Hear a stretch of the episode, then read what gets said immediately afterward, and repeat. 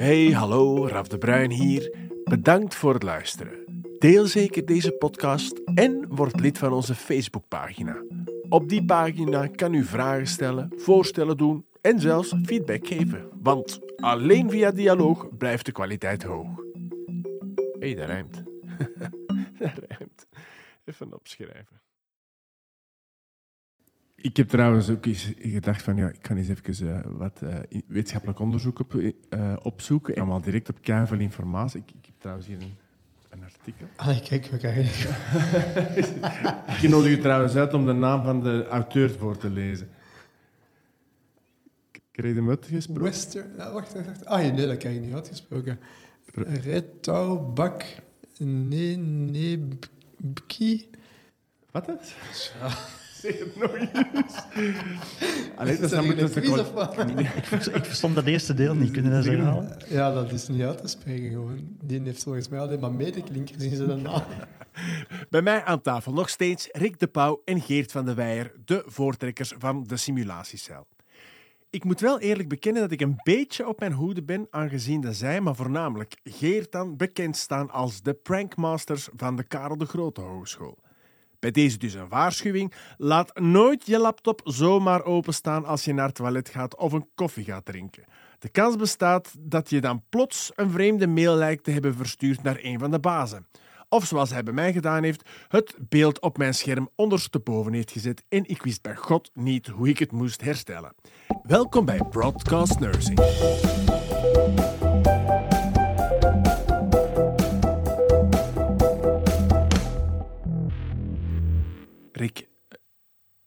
Van waar komt eigenlijk dat zotte idee van de simulatie? We hebben deze niet uitgevonden. Laten we dat ook, ook ja. eigenlijk, dat is ook niet. Hè. Dus er is in heel Europa is daar uh, zeker uh, de Scandinavische landen zijn daar. Uh, Laardal komt uit Noorwegen, hè, dus de, het merk van de poppen waarmee dat we werken. Mm -hmm. En um, wij zijn ook wel in Europa rondgegaan naar, uh, naar andere... We zijn in Zwitserland geweest. Ik ben ook in, in, in Engeland geweest. Uh, Noorwegen, Denemarken. Ja, binnenkort gaan we naar Denemarken voor de ja, simulatie ook eens te bekijken. Uh, wij, wij doen dit niet alleen. Hè. zelfs in Vlaanderen. Thomas More in Turnhout en in Mechelen. en dan heb je Vives in Kortrijk. Ja, je ziet dat dat inderdaad... De, doorheen de jaren meer en meer, dat Rick en Dieter in 2016, 17 begonnen zijn, samen met Vives waren ze een beetje de pioniers binnen Vlaanderen, merk je nu dat er veel meer hogescholen gebruik van maken van die simulatietraining, wat dat ook een goede zaak is. En dus ook uh, know-how komen bevragen bij de collega's en dat andere hogescholen tot bij ons komen en wij gaan ook naar hen en zo bestaat er een kruisbestuiving.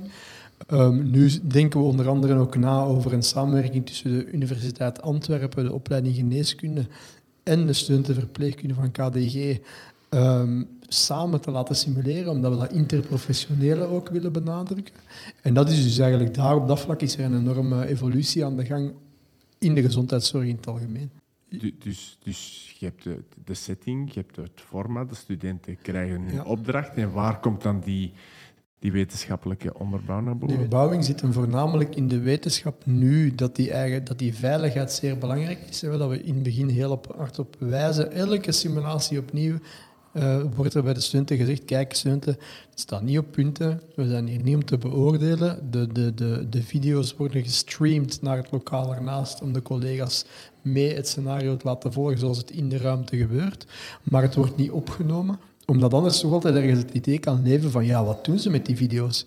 Gaan ze op het einde een soort van compilatie maken van alle failures die er geweest zijn? De bloopers. De bloopers van, van, het Skills Lab. Klopt, ja. Dus, dus daarin hebben we de bewuste keuze gemaakt om dat niet te doen. Dus vorige week. Het was al op, het was vroeg, het was acht uur. Het was vroeg voor jou, Oh, mannetjes, ik was nog niet goed wakker. Exact. Ik was echt niet goed wakker. Ik, was, uh, ik, ik, had koffie nodig. Je bent verpleegkundige of je zegt het niet. Hè? Je hebt koffie nodig als verpleegkundige, anders kun je niet functioneren.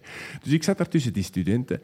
Die waren ook nog niet goed wakker. Ik mag dat eerlijk zeggen. Maar ja, er was toch... Er, ze waren zenuwachtig.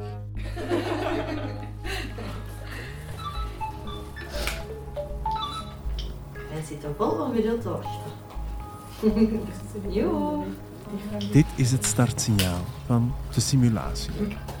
Drie studenten spelen de casus. Twee studenten zijn de verpleegkundigen die de patiënt behelpen, een jongen van 15 jaar, en een derde student speelt de scoutsleider die de jongen begeleidt. De beelden van drie camera's worden gestreamd in de briefingruimte waar ik met de rest van de klas alles zit te observeren. Hallo. Goedemorgen. Goedemorgen. Wij zijn Charlotte en Chelsea, twee verpleegkundigen. Hallo. Hoe gaat het hier? Hallo. Kan je mij een naam eens geven? Chris. Hallo Chris. Heel veel buikpijn, ja, ik heb het gehoord. Ja. Kan je mij, hoe, hoe oud ben je? 18. Oh, wij zien hier op ons blad dat, wij, dat je van 2007 bent, dus wij Dus op uh, het moment dat 15 die, of dat 16 begint, die pop begint te praten, die focus verdwijnt en die camera's valt weg. Er wordt op de deur geklopt, er komen twee studenten, ay, studentenverpleging binnen. En ineens zitten die in, los in dat scenario en die worden daar, ja, dan heb je niet meer het gevoel van ik zit hier eh toneeltje te doen. Dat, Ja, en ze konden ook nog bellen naar de dokter. Dat was Ja, ook een van de collega's die dan de dokter speelde. Met een, een klassieke paternalistische toon. Hè. De, niet dat alle dokters zo zijn, voor alle duidelijkheid. Als zij bezig waren, kon de rest van de klas, Ja. mezelf incluis, meekijken. Klopt. Ik moet zeggen, Streaming. dat was... Daar werd niet uitgelachen, daar werd niet... Nee? eh, dat, dat werd heel respectvol bekeken. En, en ehm, ik vond dat echt wel ja, mooi om te zien. Maar dus na die, die casus komt iedereen terug bij elkaar en wordt eigenlijk alles besproken. En dan kwamen ze met een term af, de CRM. Ja, inderdaad. CRM, daar is eigenlijk heel de simulatie rond opgebouwd. Alright. CRM is een afkorting of een acroniem voor Crew Resource Management of Crisis Resource Management. En eigenlijk is dat ontstaan in de luchtvaart. Omdat eh, ze hebben gekeken, hè, luchtvaart, zeer technische eh, professie, als ik het zo kan noemen, ook met een hoog risico natuurlijk. En wonderwel slagen ze erin om heel weinig ongevallen te hebben. Als je vergelijkt met verkeersongevallen, en dat zit hem in het Crew Resource Management verhaal. Eh, ze, gaan, ze kijken naar de niet-technische skills. Enerzijds ook technisch, hè, dat verstaan we heel duidelijk, eh, hoog opgeleid. Maar ook ehm, het gaat over communicatieskills, soft skills. En daar zien ze bijvoorbeeld dat ze altijd de read-back doen.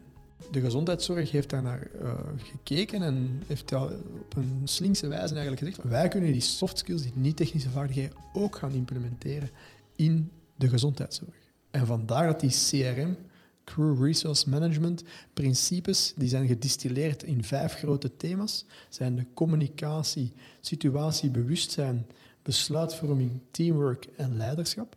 En onder die vijf grote noemers zitten in totaal 15 CRM-principes. Is gebeurd op Oh, ik wist het. Go, go, go, kom aan. Ja, kom! Iedereen? Iedereen, hè? Oh, Ah ja, alleen niet het blad. jij ook? Ja, kom zeg. Het is dringend, hè? In de tweede casus, ineens eh, was er blijkbaar een man in de gang in elkaar gestuikt. En alle studenten moesten meekomen helpen. En wat ik toen zag, dat was... Ja, Chaos. chaos. We bedoelen dat heel respectvol. Dus Absoluut, er zijn alle absoluut. studenten die dat gedaan hebben. Dat is waar. Maar het was echt chaos. Dus, dus het probleem was, er was ook geen leider. Iedereen deed wat hij dacht dat hij moest doen. Dus op de duur waren ze misschien al bijna met twee aan het borstcompressies geven. Met twee waren ze aan een ballon aan het zoeken voor, voor eh, te beademen. Het, het, het, het, werkte voor geen meter. En ze, ze merkten het zelf ook wel. Als ik, als ik even in het in advocaat mag zijn van de studenten. Absoluut. En dan mag de Geert advocaat zijn van ons, sadistische docenten. Ehm, bij het eerste scenario hebben ze een debriefing gehad. Wat gaat er gebeuren? Wat gaat er zijn? Terwijl nu, je hebt even pauze en ineens stormt er iemand binnen en zegt je moet nu meekomen. En iedereen kijkt naar elkaar. En dan komen ze inderdaad in een, in een situatie waar dat ook nog ja, gewone studenten rondlopen, docenten, er wordt van alles... Mensen die gewoon passeren. Die gewoon passeren van, en die denken van, wat- ja, die van verpleging zijn weer iets onnozel aan het doen. Dus dat is het, als ik even eh, mag, eh, mag pleiten voor de studenten, eh, doe dat maar eens. Hè. Hierover op de mer wandelen en er valt iemand neer en reageren. Ik weet niet hoeveel volk dat er effectief gaat reageren. Maar ik ga er even op inpikken. Ja, tuurlijk. Als ik dan mijn rol als advocaat van de docent moet spelen. Ehm, Eh, ik, eh, ik, ik teken nu al bezwaar aan tegen hetgeen ik nu ga zeggen. Eh, kun je eens even meester. op dat knopje doen dat die micro afstaat? Nee, wat, wat is de reden inderdaad in het derde jaar, wat je nu gekeken hebt, eraf, hebben we de studenten ineens worden die zo wat in het diepe gegooid. En na het tweede scenario worden die ineens allemaal geroepen. Er is iets gebeurd en ze denken eigenlijk van ja, we moeten eerst nog kiezen wie dat er juist verpleegkundige zal zijn en wie dat de familie zal spelen. Maar die keuze is gemaakt geweest gebaseerd op de, eh, op de, resultaten van het onderzoek dat we gedaan hebben naar angst en zelfvertrouwen. We zagen in het eerste jaar significante toename van het zelfvertrouwen, significante, significante daling van de angst. Tweede jaar, idem dito. Studenten super enthousiast over het scenario. En dan in het derde jaar zagen we ineens dat ja, angst en zelfvertrouwen... Plafonneerde. En in het kwalitatieve luik kwam daarvoor dat de studenten zeiden van ja, eigenlijk leken die scenario's te veel op die van het vorig jaar, van 2V.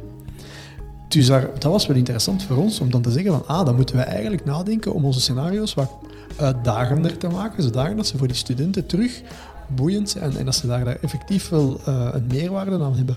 En dat is de reden geweest. Hebben we gezegd, ah, we gaan eens een totaal andere aanpak. We gaan niet meer in die vertrouwde setting van die ruimte, zo, dat, dat, lokaal dat ze kennen. En dus we hebben die pop bewust voor het Skillslab gelegd, in de gang waar dat nog een heel aantal andere mensen rondlopen, vlak aan de bibliotheek ook. Um, dat maakt het dat het, een, het scenario, de complexiteit van het scenario is niet groot, maar de setting verandert in die mate dat ze daar echt wel, zoals je zelf zegt, kippen zonder kop uh, rondlopen. Ik ga er ook wel al direct bij zeggen, hè, daarna was het de briefing en iedereen gaf aan van ja, het was, het, was chaos. Iedereen zei ook van ja, dat heb ik verkeerd gedaan. En ja, ik wou dat doen, maar dat ging toen niet. En, en dat kwam allemaal naar boven. En wederom en, alles... En, en, ook veel, ik wou dat doen, maar ik wist het niet. En ik durf niet, of ik dacht dat iemand anders het ging doen en dat soort dingen. Um, dus ze gaven het zelf aan. Maar wat ik dan wel een mooie vond, um, ja, ze mochten het nog eens opnieuw doen. Er kwam nog een derde ja, casus aan. Als ik er even mag op inpikken, ja. afgezegd zelf. Je vond het mooi dat de studenten zeiden, ik had dat moeten doen of ik had daar aan gedacht. Opnieuw, dat bewijst eigenlijk dat ze voornamelijk al in een veilige situatie zitten. Want het moet wel, je moet, en daar moeten de studenten credits voor geven, je moet het maar durven zeggen dat je ik vond niet dat ik het goed deed en oei, ik zou het toch precies anders gedaan hebben, want ik wist eigenlijk niet goed. Mhm. En daar vind ik net heel sterk, elke simulatietraining opnieuw zien wij studenten dat zeggen tegen elkaar, niet tegen ons, hè, tegen elkaar van, goh, amai, en hoe gaan we dat dan doen? Ah, laat ons nadenken. We gaan, en dan kunnen wij een klein beetje sturen, maar opnieuw, de parels komen van bij de studenten. Charlotte en Hanne, hoe moeilijk is het om elkaar feedback te geven? Ik denk bij ons niet zo moeilijk, omdat we echt best al goede vrienden zijn van elkaar. Het kan ook een valkuil zijn. Ja, dat, dat je niet durft te zeggen. Maar omdat, zeker ook omdat het niet op punten staat, bent je wel zo, ik help een vriendin hiermee door te zeggen dat. Maar te zeggen wel dat je eigenlijk van je gelijke, hè, als we het zo mogen benoemen, als student zijnde, dat je meer van elkaar leert dan dat je eigenlijk van een docent leert. Ik denk dat je dat sneller aanneemt. Dat je zo bent van, mhm. oké, dat is iemand die gelijk staat met mij en die wil mij gewoon een tip geven. Ik heb dat gezien trouwens bij jou. Je wordt bezig met de hartmassage. Je wordt er vol een bak ingevlogen en dan zei er iemand, hey, let op de metronoom. Je hebt dat gewoon aangenomen, zonder, zonder aan te denken van, oh, zeg, wat durft hij ja. zeggen? Nee, dat was voor u normaal. Een heel mooi momentje. Maar ik denk als een docent dat zou zeggen, dat ik zo zou zijn van, shit, ik ben fout bezig en nu gaan die mij zo zien van dat die dat niet op het ritme uh, hartmassages geeft. Terwijl ja, iemand van de klas zei dat dan en dan was ik zo, oké, dank u voor de tip.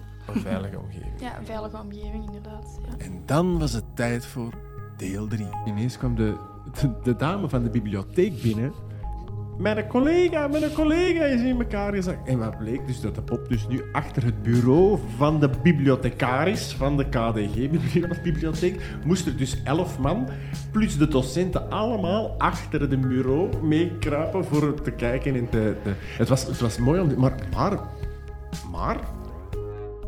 Ineens was er een leider, dat was afgesproken. En iedereen had zijn taak. En ineens ging dat als een een vaart vooruit en dat, en dat klopte allemaal. En je voelde gewoon iedereen zich ineens ja, nuttig wezen. En, en ontspannen ook. Hè? Dat is inderdaad een sterkte. Hè? Door de studenten het nog eens te laten ervaren. Ze kunnen door die drie scenario's te doen, leren ze telkens en ze bouwen een beetje op hun vorige ervaringen verder, de observaties die ze gedaan hebben of de dingen die ze zelf gedaan hebben. En daarin zie je, zoals dat, en daar zijn we heel blij vooraf dat je dat ook gemerkt hebt, dat de studenten dan op een gegeven moment zweven ze bijna een meter boven de grond. Kortom, een geslaagde missie. Als afsluiter moet je eens één keer proberen de naam voor te lezen van... van uh, Kom on, Geert. Retaubak Nenebki. Eerlijk? Retaubak Nenebki bestaat niet. Nee, maar het heeft wel betekenis. Geert. Voornamelijk als je het achterstevoren afspeelt. Wa, wa, wat zeg je, Geert? Ik ben een kabouter. Wacht, ik, ik, ik, heb het precies niet goed begrepen. Wat, wat zeg je? Ik ben een kabouter. Een kabouter? Geert toch? Allee, kijk, je zegt geen grote, maar om te zeggen dat je een Ik kabouter... ben een kabouter. Ja, oké, oké, ja.